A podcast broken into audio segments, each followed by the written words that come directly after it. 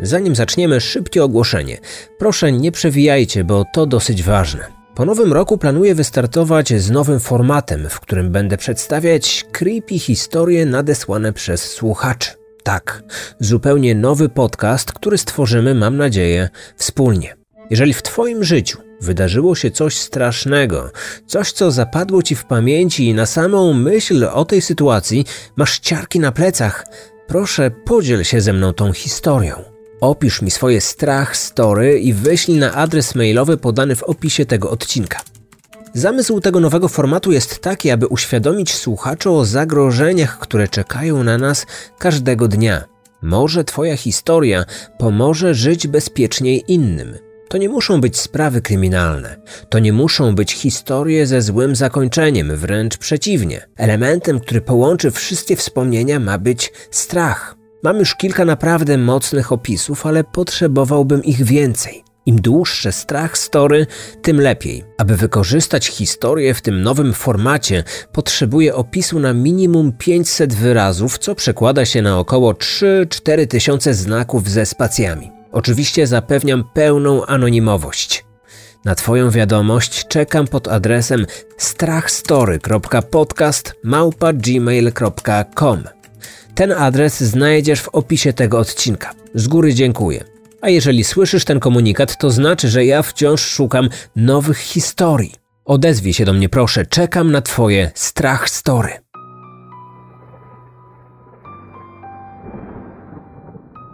Blisko 50 lat temu w odległej Islandii zaginęło dwóch mężczyzn o tym samym nazwisku. Śledztwo szybko wykazało, że zbrodni dopuściło się sześcioro młodych ludzi. Choć nie znaleziono żadnych śladów, kluczowym dowodem dla policjantów stał się sen jednej z osób podejrzanych.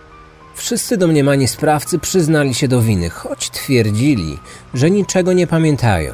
Czy naprawdę popełnili zbrodnię, o której całkowicie zapomnieli? A może stali się jedynie ofiarami islandzkiego wymiaru sprawiedliwości, nad którym zawisła ogromna presja tamtejszej opinii publicznej? Kryminatorium. Otwieramy akta tajemnic.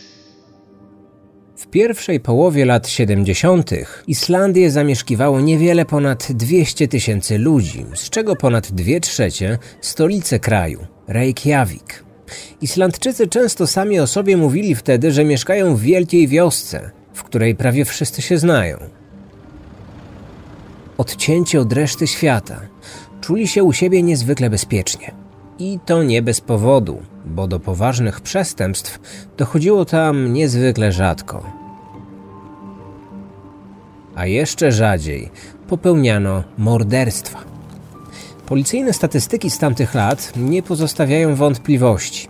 Do zabójstwa dochodziło średnio raz w roku, choć zdarzały się także lata, w których żaden mieszkaniec wyspy nie padł ofiarą takiego przestępstwa. A jeśli już tak się nieszczęśliwie zdarzyło, sprawcą w zdecydowanej większości stawał się znajomy ofiary. Zabijał najczęściej pod wpływem alkoholu, zwykle po ostrej awanturze, za pomocą noża lub własnych rąk. Nie było w tych zbrodniach żadnej tajemnicy, żadnej niespodzianki i pytań bez odpowiedzi. Po schwytaniu zabójcy prawie zawsze okazywało się, że miał on za sobą bogatą historię przemocy rodzinnej, o której i tak wiedzieli wszyscy jego sąsiedzi i znajomi. Morderca szybko lądował za kratkami, a życie toczyło się dalej. Planowane zabójstwa z premedytacją praktycznie się nie zdarzały. Broń palna jako narzędzie zbrodni? Nie ma mowy. Z takim czymś Islandczycy spotykali się jedynie w amerykańskich filmach sensacyjnych. Nic więc dziwnego, że obywatele ufali miejscowym stróżom prawa niemal bezgranicznie. Tylko raz policja nadwyrężyła te zaufanie, gdy w roku 68 zamordowano taksówkarza z Reykjaviku. Całe społeczeństwo doznało szoku, jakiego do tej pory nie doświadczono. I to dwa razy – Najpierw, gdy okazało się, że do zbrodni doszło na tle rabunkowym, a śledztwo wykazało, że sprawca prawdopodobnie nie był spokrewniony z ofiarą. Drugi szok był o wiele większy. Zabójcy nigdy nie zidentyfikowano, a co za tym idzie, nie schwytano go i nie zamknięto w więzieniu. Nawet najstarsi mieszkańcy nie mogli sobie przypomnieć, kiedy ostatni raz podobna sytuacja miała miejsce w ich kraju. Po tej sprawie policja znalazła się w prawdziwym ogniu krytyki. To, co w innych państwach uchodziło za niezbyt chlubną normę, przecież często mordercy unikali schwytania, a nawet zidentyfikowania. W Islandii okazało się narodową hańbą. Musiało minąć kilka kolejnych lat, aby ludzie ponownie zaczęli ufać policji. Traumatyczne echa tamtej zbrodni powoli cichły. Jednak gdy rozpoczął się rok 74, żaden z Islandczyków nie mógł nawet przypuszczać, że już wkrótce szok, jaki przeżyli sześć lat wcześniej, powróci do nich ze zdwojoną siłą. I towarzyszyć im będzie przez następnych kilkadziesiąt lat, praktycznie pozostając z nimi do dziś.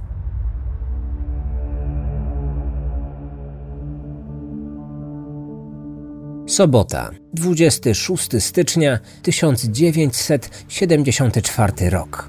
W liczącym niespełna 10 tysięcy mieszkańców portowym miasteczku Hafnarfjordur, położonym na przedmieściach Reykjaviku. Tam słońce weszło o godzinie w pół do 11, by zajść niespełna 6,5 godziny później. Termometr prawie przez cały dzień wskazywał 3 stopnie poniżej zera. Typowa islandzka zima, choć po południu tamtego dnia pogoda nagle się pogorszyła. Z nad Atlantyku nadciągnęła burza. Zaczął padać gęsty śnieg, dookoła szalała zamieć. Takie warunki nikogo jednak specjalnie nie dziwiły. Niezachęcająca do przebywania na zewnątrz pogoda podzieliła ludzi na dwa obozy.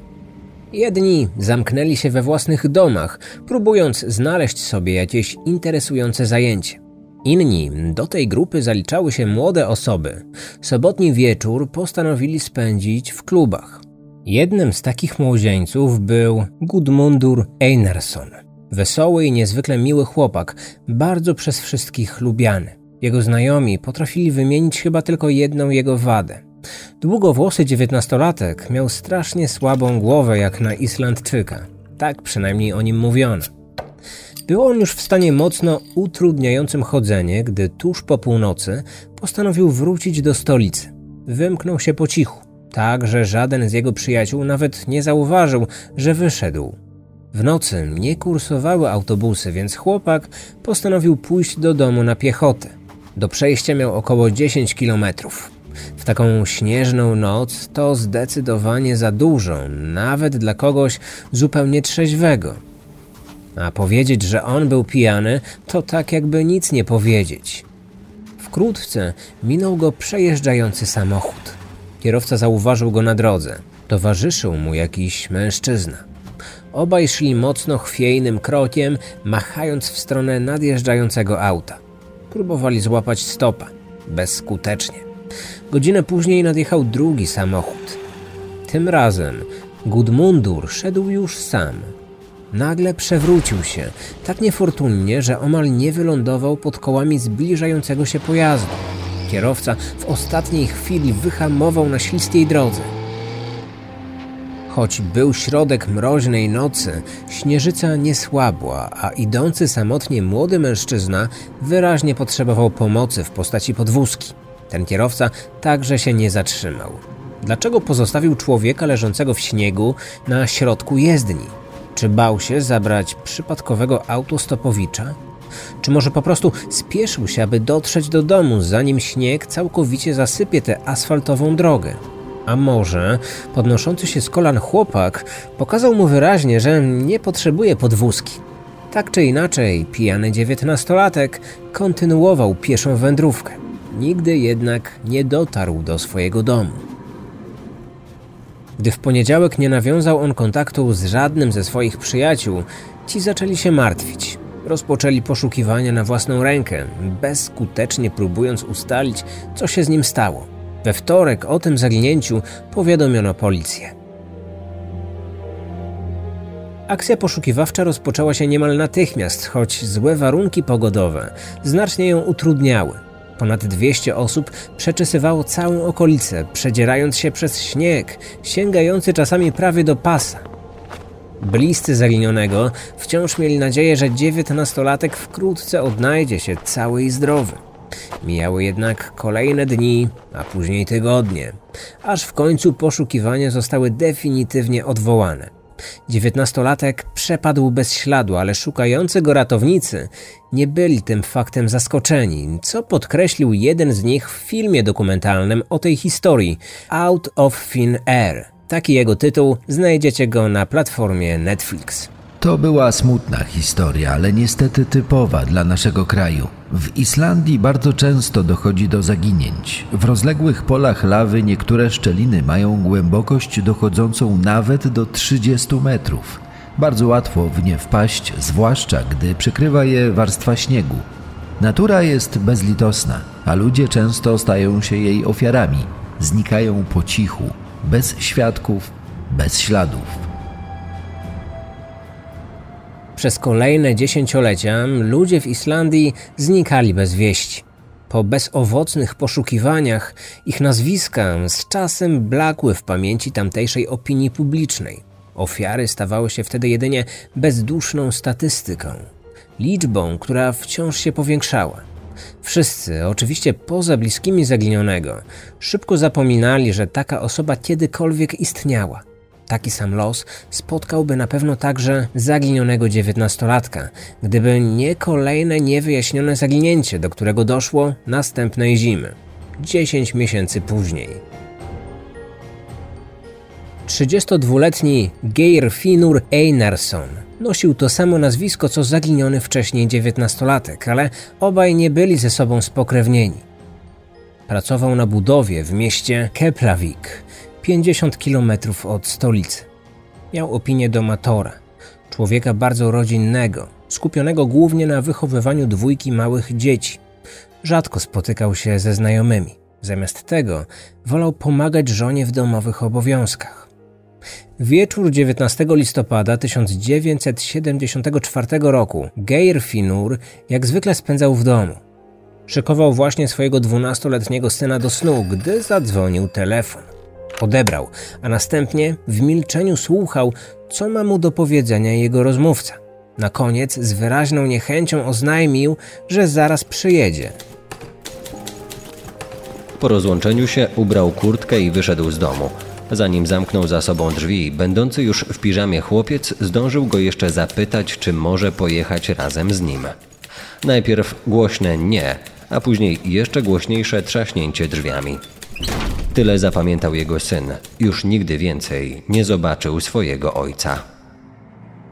Następnego dnia żona powiadomiła policję. Rozpoczęła się akcja poszukiwawcza. Jednak w przeciwieństwie do zaginięcia Gudmundura, policjanci bardzo szybko zaczęli podejrzewać, że być może nie było to takie zwykłe zaginięcie. Jego samochód znaleziono zaparkowany przy miejscowej kawiarni. Kluczyki wciąż były w stacyjce. Śledztwo wykazało, że to właśnie z tej kawiarni wykonano do niego połączenie, po którym wyszedł z domu. Sprawę prowadził detektyw Waltir Sigurdsson. Z długimi włosami i skórzaną kurtką, spod której wystawała biała koszula z postawionym kołnierzem. Bardziej przypominał lidera rokowego zespołu niż policjanta. I mniej więcej taką miał opinię wśród swoich kolegów z wydziału. Swoje zadanie potraktował on jednak niezwykle poważnie – jego zaginięcie było tak tajemnicze, że od razu pomyślałem, że możemy mieć do czynienia z morderstwem. Świadkowie zapamiętali, jak do kawiarni wszedł człowiek, którego miejscowi nie znali. Gdzieś zadzwonił. W tym samym czasie telefon w swoim domu odebrał zaginiony. Później wyszedł z domu. Dojechał do tej kawiarni, zostawił samochód i przepadł bez wieści. Takie zniknięcie na pewno nie było w jego stylu. Śledczy prześwietlili przeszłość Geir Finura i natychmiast nabrali jeszcze więcej podejrzeń. Okazało się, że od kilku dobrych lat ten zaginiony mężczyzna był zamieszany w rozprowadzanie przemyconego z kontynentu alkoholu. Czy jego tajemniczy rozmówca chciał się z nim spotkać, aby kupić od niego nielegalny trunek? A może zamierzał mu przekazać następny transport? Czy podczas ich spotkania coś poszło nie tak i wtedy doszło do zabójstwa i ukrycia ciała? Tak wiele pytań i żadnej odpowiedzi. Policjanci znaleźli się w ślepym zaułku. Nie odnaleziono ani ciała, ani tajemniczego mężczyzny, który zatelefonował do niego w wieczór zaginięcia. Żadnych śladów, żadnych wskazówek, żadnych dowodów. W końcu policjanci zaczęli się zastanawiać, czy rzeczywiście doszło do jakiejkolwiek zbrodni. A może w tej sprawie nie było aż tak wielkiej tajemnicy. Może czekając na spotkanie ze swoim rozmówcą tuż przed kawiarnią w porcie, nieostrożnie podszedł zbyt blisko betonowego brzegu, poślizgnął się, wpadł do lodowatej wody i utonął. Jedną z wersji, jaką rozważali śledczy, była także możliwość, że mężczyzna tuż po zakończonym spotkaniu po prostu popełnił samobójstwo. Odkryto, że w jego małżeństwie od dawna się nie układało, a on sam podejrzewał żonę o romans. Czy ktoś chciał się z nim spotkać, aby przedstawić mu ostateczne dowody na niewierność małżonki? Morderstwo, nieszczęśliwy wypadek czy targnięcie się na własne życie? Śledczy nie byli w stanie potwierdzić żadnej z tych hipotez.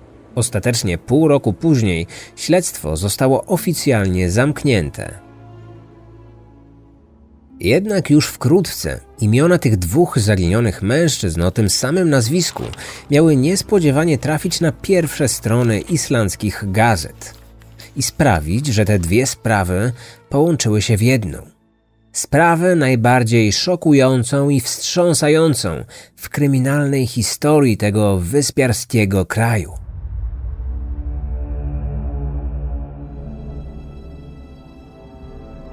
Minął rok od zaginięcia Geirfinura i niemal dwa od zniknięcia Gudmundura. 12 grudnia 1975 roku policjanci otoczyli niewielki domek w miasteczku Hafnarfjordur. Pukając do drzwi, mieli ze sobą nakaz aresztowania mieszkającego tam młodego mężczyzny. Był to 23-letni Sajwar, który od dłuższego czasu był dobrze znany policji. Wszyscy wokół wiedzieli, że ten długowłosy hipis o polsko brzmiącym nazwisku Ciesielski był drobnym złodziejaszkiem i oszustem. Kilka razy przyłapano go z marihuaną. Policjanci od dawna próbowali posłać go za kratki, ale do tej pory chłopak skutecznie unikał więzienia. Posługując się fałszywym czekiem, wyłudził w miejscowej firmie telekomunikacyjnej ogromną sumę pieniędzy – było to poważne przestępstwo zagrożone surową karą. Dumny z siebie przestępca pochwalił się tym niewłaściwym osobom, które o wszystkim powiadomili stróżów prawa. Razem z nim zatrzymano mieszkającą z nim jego dziewczynę, dwudziestoletnią Ertle. Zostawiając swoją trzymiesięczną córeczkę pod opieką siostry, wierzyła, że jeszcze tego samego dnia wróci do domu. Mm, bardzo się pomyliła. Dziewczyna nie była zmartwiona aresztowaniem swojego chłopaka. Już od jakiegoś czasu im się nie układało. Jego ciągnęło do podejrzanych kumpli i przestępczego świata. Ona chciała założyć normalną rodzinę i wychować dziecko na porządną osobę. Miała na to niewielkie szanse. W dodatku zdradzał ją z innymi dziewczynami, twierdząc przy tym, że to przecież nic takiego. Dlatego postanowiła wykorzystać sytuację. Podczas pierwszego przesłuchania ze szczegółami opowiedziała policjantom o wszystkich niecnych uczynkach, jakich dopuścił się jej partner. Być może liczyła na to, że uwolni się od niego, gdy w końcu trafi on na dłużej do więzienia. Przy okazji całkowicie pominęła wtedy fakt, że tak naprawdę to właśnie ona była pomysłodawczynią wyłudzenia pieniędzy z firmy telekomunikacyjnej, w której od roku pracowała.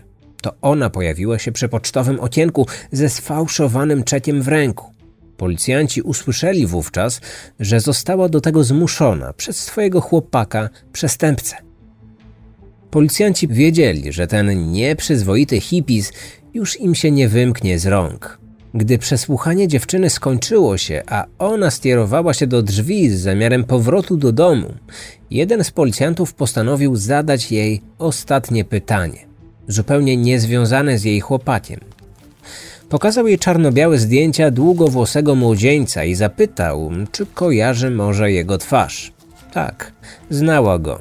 Kilka razy spotkali się na prywatce u jej koleżanki. Zapamiętała go, bo był dla niej bardzo miły i komplementował jej urodę. Zapytana o jego nazwisko, potwierdziła, że chłopak na zdjęciu to Gudmundur Einarsson. Nie zdawała sobie wówczas sprawy, że tą odpowiedzią właśnie zniszczyła sobie życie.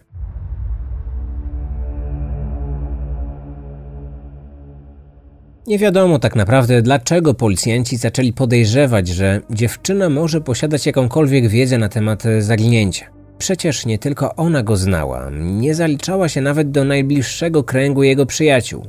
Może do funkcjonariuszy dotarły wcześniej plotki o tym, że miał na swoim koncie zbrodnię znacznie poważniejszą niż sprzedaż marihuany lokalnym degeneratom. Jedno jest tylko pewne. Po tym wyznaniu śledczy zasypali dwudziestolatkę intensywnym gradem pytań. Gdy zorientowali się, że jej odpowiedzi niczego nowego nie wnoszą, zagrozili, że jeśli nie powie im prawdy, zatrzymają ją w areszcie na 30 dni za współudział w wyłudzeniu pieniędzy. A gdy trafi do więzienia, przez wiele lat nie zobaczy swojej córeczki. Wtedy załamała się. Zachęcona przez śledczych zaczęła mówić im o wszystkim, co tylko wydało jej się podejrzane lub dziwne a dziwny był na pewno jej sen, a w zasadzie koszmar, który przyśnił jej się dokładnie w noc zaginięcia Gudmundura. Zapamiętała go dokładnie, bo gdy się obudziła, była potwornie przerażona. Postanowiła opowiedzieć o tym policjantom. Leżała w łóżku. Był środek nocy, a na zewnątrz odgłosy wiejącego wiatru przypominały wycie wilków. Nagle usłyszała szepty dochodziły spod okna. Nie mogła się ruszyć, ale była pewna, że pod jej domem stoją jacyś mężczyźni. Czyżby o coś się kłócili? Nie mogła zrozumieć, o czym rozmawiali. Wtedy się obudziła, a może tak jej się tylko wydawało. Może nadal spała. Czyżby przebudzenie też jej się przyśniło? Wstała z łóżka i podeszła do okna. Wtedy ich zobaczyła. Tuż za oknem stał jej chłopak. Towarzyszył mu jego najlepszy kolega, Christian. Trzeciego nie rozpoznała. W panujących ciemnościach nie mogła dostrzec jego twarzy. Nieśli coś ciężkiego, owiniętego prześcieradłem. Nagle zrozumiała, że było to jakieś ciało. Sen nadal trwał, a ona nie mogła się poruszyć. Wtedy do domu wszedł jej chłopak. Wziął ją za rękę i odprowadził do łóżka.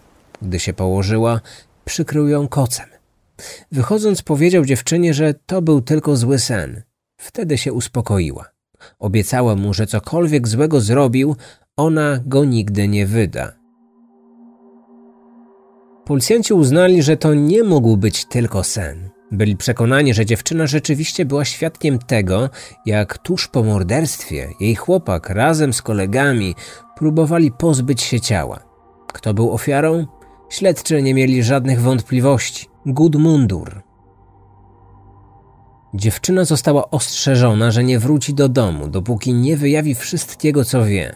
A jeśli czegoś nie pamięta, to policjanci pomogą jej to sobie przypomnieć. Znów trafiła do swojej celi. I już nie była pewna, że to, co widziała, było tylko sennym koszmarem. Czy to możliwe, że jej chłopak kogoś zabił, a ona to widziała, ale niczego nie pamięta? Przez kolejne dni poddawano ją wielogodzinnym przesłuchaniom. Po ostatnim z nich, trwającym ponad 10 godzin, podpisała oświadczenie, w którym przyznała, że to jednak nie był sen, że była świadkiem przestępstwa. Dopiero wtedy zwolniono ją do domu. Kiedy zeznania tej dziewczyny przedstawiono jej chłopakowi, ten początkowo wszystkiemu zaprzeczył. Trafił do izolatki. Wychodził z niej tylko na kolejne przesłuchania. Nigdy nie trwały one krócej niż 8 godzin. 8 godzin bez jedzenia i picia. W końcu nie wytrzymał. Przyznał się do zamordowania i wskazał swoich wspólników. Christian miał reputację twardziela. Był wcześniej notowany za przestępstwa narkotykowe i kradzieże. Trigvi słynął z tego, że po pijanemu prowokował bójki w klubach. Raz siedział w więzieniu za drobne przestępstwa. Ostatni z całej bandy, Albert, był łagodnym i niekonfliktowym człowiekiem. Tylko raz został zatrzymany przez policję za posiadanie marihuany. Po kilku tygodniach ciężkich przesłuchań wszyscy podejrzani przyznali się do udziału w zbrodni. Jednak każdy z nich przedstawił inną wersję wydarzeń. Tłumaczyli to tym, że tak naprawdę niczego nie pamiętają z tamtej nocy. Pewni byli tylko jednego, że po zabiciu dziewiętnastolatka jego ciało wrzucili do jakiejś szczeliny na polu zastygłej lawy. Czterech lokalnych outsiderów było idealnymi sprawcami zbrodni. Poza tym do wszystkiego się przyznali. O całej sprawie rozpisała się islandzka prasa, a opinia publiczna była wstrząśnięta. Policjanci po ogłoszeniu sukcesu poszli jednak krok dalej. Zaczęli się zastanawiać, czy ta banda hipisów może mieć coś wspólnego także ze zniknięciem tego drugiego mężczyzny.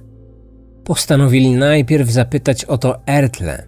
Zjawili się u niej w domu i oznajmili, że mają powody przypuszczać, że była ona także świadkiem drugiego morderstwa. Jeśli tego nie pamięta, to oni chętnie pomogą jej sobie wszystko przypomnieć. Skoro udało się za pierwszym razem, to dlaczego miałoby nie zadziałać za drugim? Zapytali więc wprost. Czy jej chłopak i jego banda maczali palce w zaginięciu z listopada 74 roku? Wystraszona dziewczyna odpowiedziała tylko jednym słowem: może. To wystarczyło, aby w tej sprawie wskazać winnych. Prokurator natychmiast zaprezentował opinii publicznej swoją wersję tych tragicznych wydarzeń. Oto ona. Mężczyzna został przez nich zabity przez przypadek. Spotkał ich na swojej drodze i pochwalił się, że może im sprzedać alkohol pochodzący z przemytu. Wyrazili swoje zainteresowanie taką transakcją, ale gdy okazało się, że przemytnik nie wywiązał się ze swojej obietnicy, wpadli w szał. Następnie pobili go na śmierć. Zabili go, choć wcześniej tego nie planowali. Śledczy nie mieli jednak żadnych dowodów, że tak właśnie się stało. Nie było ciała, nie było żadnych śladów, nie było naocznych świadków, ale byli podejrzani, którzy znali prawdę. Należało ich jedynie skłonić do przyznania się. Pół roku spędzone w izolatkach zrobiło swoje. Latem 1976 roku wszyscy czterej przyznali się do popełnienia drugiej zbrodni. Dodatkowo wskazali kolejnych wspólników. Jednym z nich był cudzoziemiec, którego nazwiska nie znali. Drugim wspólnikiem była Ertla. To właśnie ona miała zastrzelić Geir Finura tuż po tym, jak został on pobity przez bandę. Jeszcze tego samego dnia dziewczyna została aresztowana.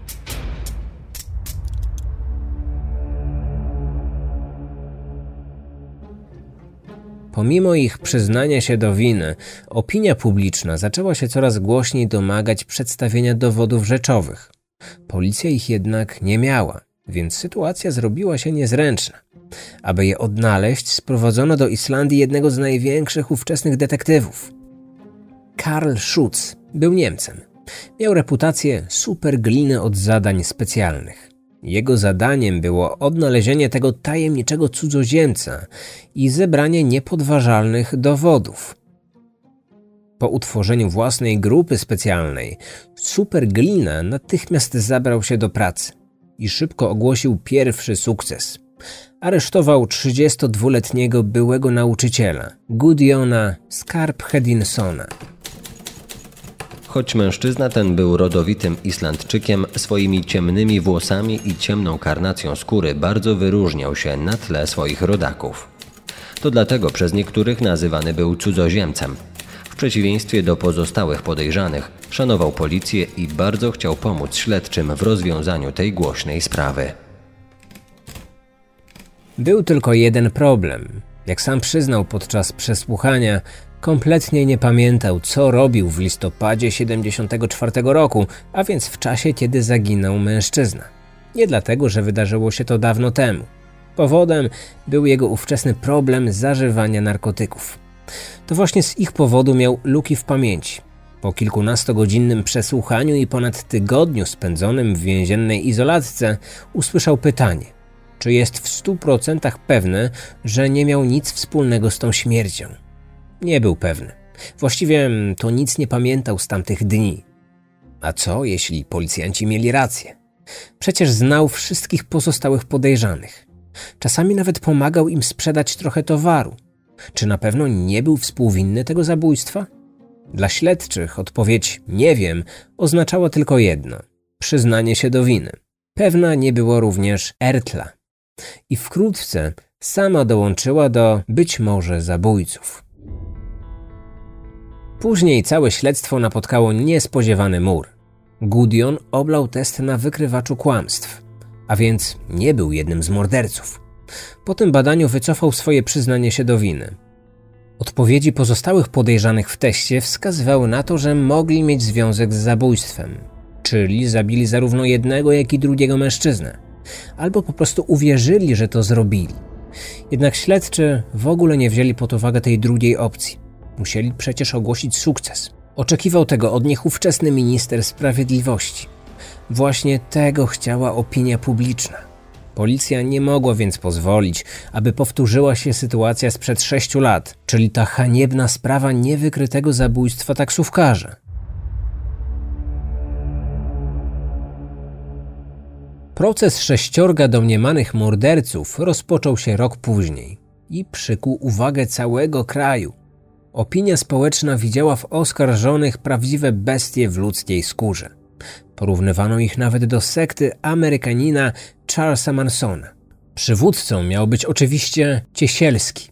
Złość Islandczyków wzrosła jeszcze bardziej, gdy oskarżeni przed sądem odwołali swoje przyznanie się do winy.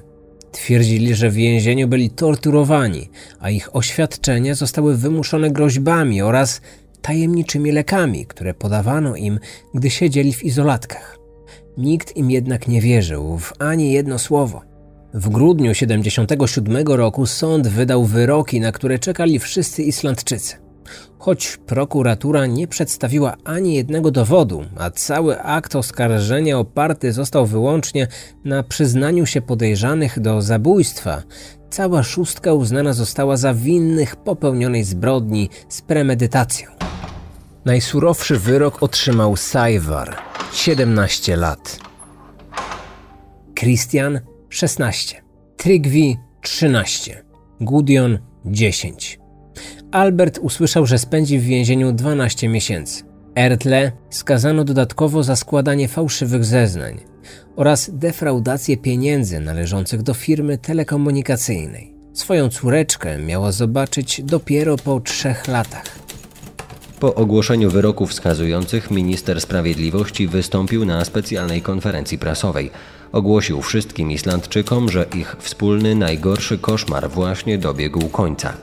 Jednocześnie podziękował niemieckiemu detektywowi za pomoc w rozwiązaniu tej makabrycznej zagadki. Wszyscy odsiedzieli swoje wyroki w całości. Później zniknęli i nigdy nie wypowiedzieli się publicznie na temat swojej winy lub niewinności. Ostatni na wolność wyszedł Ciesielski i tylko on nigdy nie pogodził się ze swoim skazaniem. Głośno mówił o tym, że spotkała go wielka niesprawiedliwość, że policja wrobiła ich wszystkich w zbrodnie, której nie popełnili. Złożył kilka apelacji, ale wszystkie zostały odrzucone przez Sąd Najwyższy. On jednak nie odpuszczał. Walczył o swoje dobre imię tak długo, jak tylko pozwalała mu na to jego własna sytuacja finansowa. Gdy zabrakło pieniędzy, został bezdomnym. Wtedy się poddał. Uzależniony od alkoholu stał się cieniem samego siebie. Zmarł w 2011 roku, mając 59 lat. Jego pogrzeb sprawił, że o tej sprawie znów zrobiło się w całym kraju bardzo głośno. Ale tym razem było inaczej. Zmieniła się Islandia. Zmieniła się też mentalność Islandczyków. Ludzie już nie wierzyli tak ślepo wymiarowi sprawiedliwości, jak czynili to kilkadziesiąt lat wcześniej. Po raz pierwszy media zaczęły podważać wydany w roku 77 wyrok. Po telewizyjnym reportażu jednej z dziennikarek śledczych sprawą zainteresował się nowy minister sprawiedliwości. On też nie wierzył w winę skazanych. Chciał poznać prawdę, więc zażądał ponownego zbadania sprawy. W tym celu powołano specjalną komisję śledczą. Rządowe śledztwo trwało 18 miesięcy i opublikowany raport komisji wstrząsnął całym krajem jeszcze bardziej niż zbrodnie, których dotyczył. Zbadaliśmy tysiące stron dokumentów. Zapoznaliśmy się z policyjnymi raportami, notatkami funkcjonariuszy i więziennych strażników. Przeczytaliśmy odnalezione dzienniki jednego ze skazanych. Nie ulega wątpliwości, że podczas śledztwa popełniono bardzo dużo haniebnych błędów. Oskarżeni zostali pozbawieni możliwości kontaktu z prawnikami i byli przesłuchiwani dużo częściej niż wykazują to policyjne raporty. Ich dobrowolne przyznania się do winy oceniamy jako całkowicie niewiarygodne. Sajwar był przesłuchiwany 180 razy, łącznie przez 340 godzin. W izolatce trzymano go przez dni. Notorycznie był pozbawiany snu. Dodatkowo stosowano wobec niego tortury, takie jak podtapianie. Jednocześnie podawano mu silne leki uspokajające. Podobnie traktowani byli pozostali oskarżeni. Ertla spędziła w izolatce łącznie 241 dni, a przesłuchiwano ją 105 razy. Najkrótsze przesłuchanie trwało 8 godzin. Najwięcej czasu w odosobnieniu spędził Trigvi. 655 dni bez jakiegokolwiek kontaktu z drugim człowiekiem. Albert i Christian kilkukrotnie próbowali popełnić w tym czasie samobójstwo. Po ogłoszeniu wniosków komisji swoje zdanie wyraził czołowy islandzki psycholog sądowy, który przez 40 lat współpracował z brytyjskim Scotland Yardem. Do dziś jest on jednym z największych na świecie ekspertów od składania fałszywych przyznań się do winy. Stwierdził on, że tortury, jakim poddawani byli oskarżeni oraz niewłaściwe ich traktowanie, przyczyniło się do nabycia przez nich zniekształcenia wspomnień. Zaburzenie to zostało przez niego nazwane syndromem nieufności wobec własnej pamięci. Osoby cierpiące na nie mają zaburzone wspomnienia. Z czasem zaczynają myśleć, że sytuacje, które przedstawili im przesłuchujący ich funkcjonariusze, naprawdę miały miejsce. Wierzą wtedy, że faktycznie popełnili zbrodnie, o które się je oskarża, a jedynie tego nie pamiętają. Choć raport komisji specjalnej nie pozostawiał żadnych złudzeń, trzeba było czekać kolejnych 7 lat, żeby sprawiedliwości stało się zadość. Na początku 2018 roku prokuratura krajowa zwróciła się do Sądu Najwyższego o ponowne rozpatrzenie sprawy. Nowy proces rozpoczął się pół roku później. 27 września 2018 roku Sąd Najwyższy uniewinnił sześcioro oskarżonych o zabójstwo. Utrzymał jednak wyrok skazujący Ertli za składanie fałszywych zeznań. Żaden z policjantów i strażników więziennych nigdy nie poniósł jakiejkolwiek odpowiedzialności za fizyczne i psychiczne znęcanie się nad aresztowanymi młodymi ludźmi. Oficjalnie sprawa tajemniczych zaginięć nadal pozostaje niewyjaśniona. Ich ciał nigdy nie odnaleziono.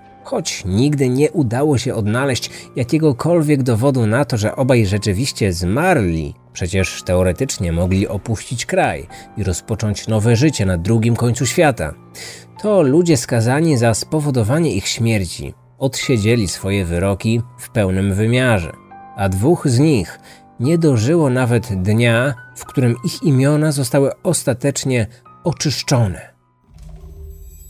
Odcinek powstał na podstawie filmu dokumentalnego dostępnego na platformie Netflix pod tytułem Out of Thin Air. Wykorzystano również artykuły publikowane w magazynie Arctic and Antarctic, dzienniku The Guardian, serwisie BBC oraz na portalu Island News Polska.